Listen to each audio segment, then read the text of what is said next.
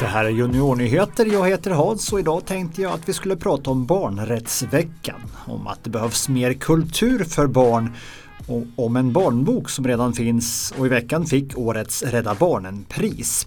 Dessutom hör vi Tilde och Tilde som båda tävlar om att bli Finlands Lucia.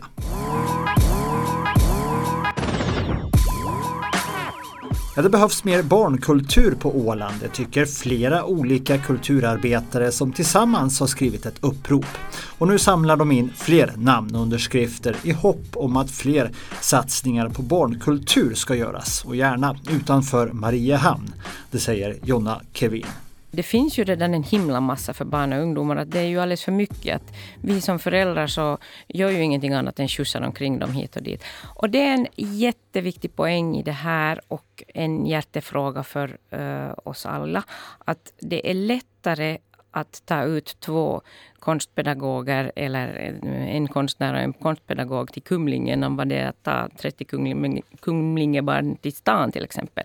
Eh, det finns väldigt mycket, stort utbud av konst och kultur i tätorterna och hemma i byarna finns väldigt lite. Och, eh, det är också en hållbarhetsfråga. Vi ska inte behöva skjutsa eh, barn och unga eh, till alltså, vara aktivt välja ut och, och liksom skjutsa dem dit, utan de ska kunna gå dit själva. Ja, den här veckan så är det barnrättsvecka och det är något som organisationen Rädda Barnen uppmärksammar. Igår delades årets Rädda Barnen-pris ut. Ett pris som i år gick till Ålands Handikappförbund för deras engagemang när det kommer till unga med funktionsvariationer. Föreningen har under året givit ut barnboken Pussel i den här boken så har räven Downs syndrom. Men utan hans pusselbit så går det helt enkelt inte att lägga hjärtpusslet. Allas bitar är lika viktiga. Vi hör Lotta Angergård på Rädda Barnen. Eh, Ålands Handikappförbund får priset därför att de har aktivt och medvetet satsat på att inkludera och involvera och säkerställa information till barn och unga med funktionsnedsättning. Men också till vuxna eh, som eh, behöver få den här informationen för att man ska kunna bemöta barn på ett så bra och tillgängligt sätt. Eh, det som särskilt nämns i, eh, i, i nomineringen så är boken Pussel eh, och Ålands Handikappförbunds nystartade ungdomsråd. Jag står och håller den här pusselboken nu Karin Erlandsson och Hanna-Marie Rohonen. Hur får man tag på den här? Man kan köpa den i våra bokhandlar och den finns på alla bibliotek över hela Åland. Man kan låna den. Och på tal om pris och på tal om att låna. Du vet väl om att du kan låna idrottsutrustning på Idrottsbanken på Åland? Det är faktiskt helt gratis. Ja, här kan man hitta idrottsutrustning för alla möjliga typer av idrotter som man lämnar tillbaka när man har provat färdigt, tröttnat eller kanske vuxit ur utrustningen så att någon annan kan låna den istället. Och det här det är en grupp som finns på Facebook under namnet Idrottsbanken Åland. All utrustning hämtas från ungdomshuset Boost. Och när Ålands natur och miljö delade ut sitt miljöpris i år, ja då var det just till Idrottsbanken för sin hållbara och miljösmarta idé. 2015 startade vi, egentligen på våren. Då var det så att Mise hörde av sig och tyckte att, att med tanke på miljön att skulle inte det här vara en bra grej? Och då behövde vi inte tänka så himla länge så tyckte vi också att det var en jättebra grej. Framförallt miljön men också för att barn och unga och vuxna och ska kunna få möjlighet att uh, ta med sig lite utrustning hem och faktiskt testa på saker som man kanske inte skulle testa på annars. Är det det som är grundtanken? Miljön är ena och det andra är att tillgänglighet, alltså lätt att kunna få pröva på utan att behöva betala massa dyra kostnader. Ja. Det sa Lena Eriksson på Ålands idrott. Och några andra som var i tävlingsfarten i helgen det var föreningen Kodarklubbens två lag som tog hem flera vinster i First Lego League. En tekniktävling för ungdomar där man också tävlar i innovation och att bygga robotar.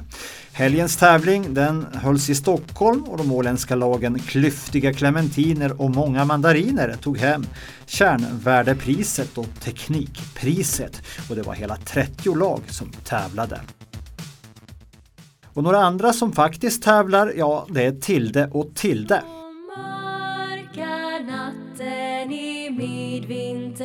Båda vill de bli Finlands Lucia och de håller som bäst på med sina kampanjer. I morse var de hos oss här i Radiohuset för att bjuda på lite sång och julstämning.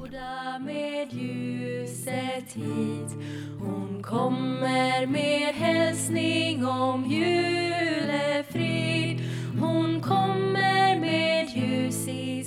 Tilde Koroleff och Tilde Polviander, så heter de två ålänningar som kandiderar till Finlands Lucia i år. Men vad går kampanjen egentligen ut på? Ja, det är ju att man eh, ska berätta om insamlingen eftersom att eh, pengarna går till utsatta barnfamiljer som har det kämpigt i vardagen. Ehm, så vi lägger ut videos när vi sjunger och berättar om insamlingen och, och sådär.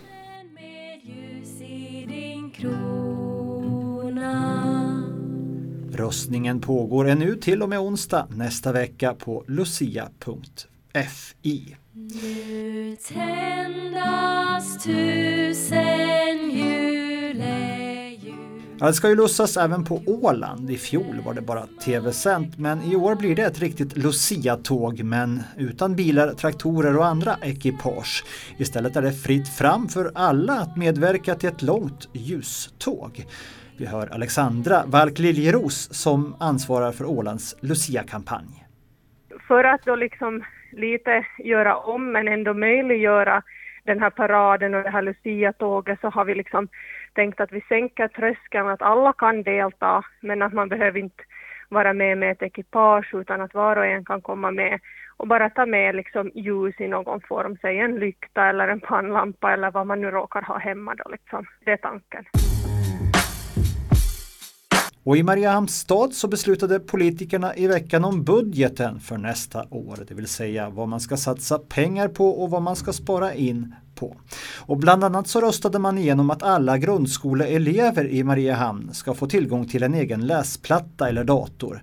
Vi hör Sara Kemetter som är både politiker och lärare på Ytternäs skola. Det innebär att vi då i de fyran, femman och sexan försöker ha en enhet i första hand per elev. Det betyder att du har en iPad eller en dator där du kan sitta och jobba med det digitala läromedel som finns.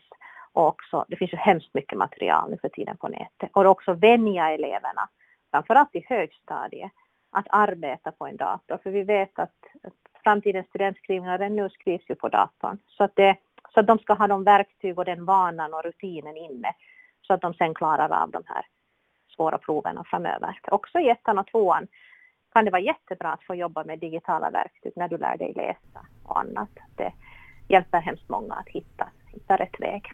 Och man bestämde också att stadens skolor ska få möjlighet att delta i stafettkarnevalen på Olympiastadion i Helsingfors nästa vår. Vilket underbart slut för ett, ett år där vi har haft allt från distansundervisning till, till ganska tuffa tider med coronan. Så att, att kunna få fara iväg i maj med med tuffa lag som har fått träna så det, det är jag jätteglad för att vi kan göra och det är nog det är våra barn värda. Och när vi har en så här jättefin arena så hoppas jag ju att vi väcker ett större intresse hos våra barn och unga att faktiskt vistas där på kvällarna och hoppa och springa och, och leka. Du har lyssnat på Juniornyheter och vi hörs igen om en vecka.